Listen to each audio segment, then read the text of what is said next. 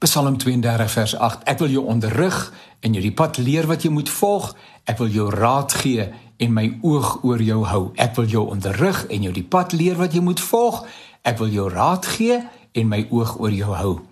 Ons staan aan die begin van 'n splinter nuwe jaar.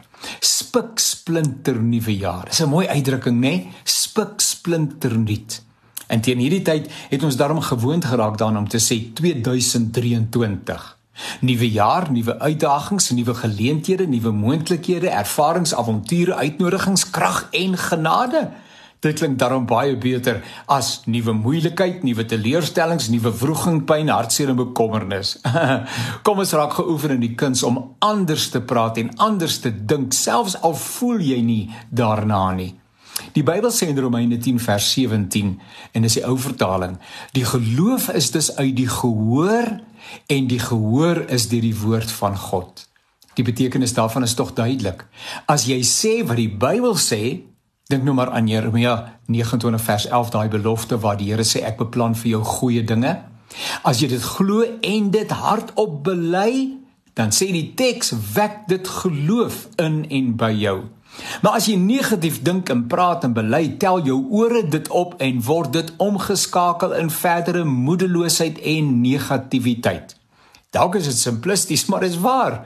Omring jou met mense wat positief gelowig en met vertroue na die lewe ook na 2023 kyk. Uiteraard is daar mense wat op ons pad kom wat bemoediging nodig het. Wees daar vir hulle. Dis verder onafwendbaar dat ook jy iewers uitgeput en moed verlore sal voel. Hooplik sal ander dan daar wees vir jou, maar om egter aan moedeloosheid woonplek te gee in jou lewe is om jou eie menswees te ondergrawe. Gee die moedeloosheid en ongeloof in jou lewe kennis.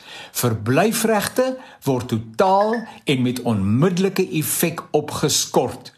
Kies om 2023 met geloofsvertroue tegemoet te gaan. Soek die spreekwoordelike silwer rand aan selfs die donkerste wolk. Vanuit die Here dan op Psalm 32 vers 8 na ons toe kom met die belofte van lyding, sorg, troos en daar wees, het ons die energie wat nodig is om met oorgawe te lewe. Lewe met 'n oop en ontvanklike gemoed. God deel vandag sy gawes met jou. Die jaar is veels te jonk om nou al handdoek in te gooi. Inteendeel, kies die lewe en die lewe sal vir jou kies. Deuteronomium 30 vers 15 in die boodskap. Maar luister nou baie mooi. Ek stel julle vandag voor 'n keuse. Julle kan self kies. Julle moet kies wat julle wil hê.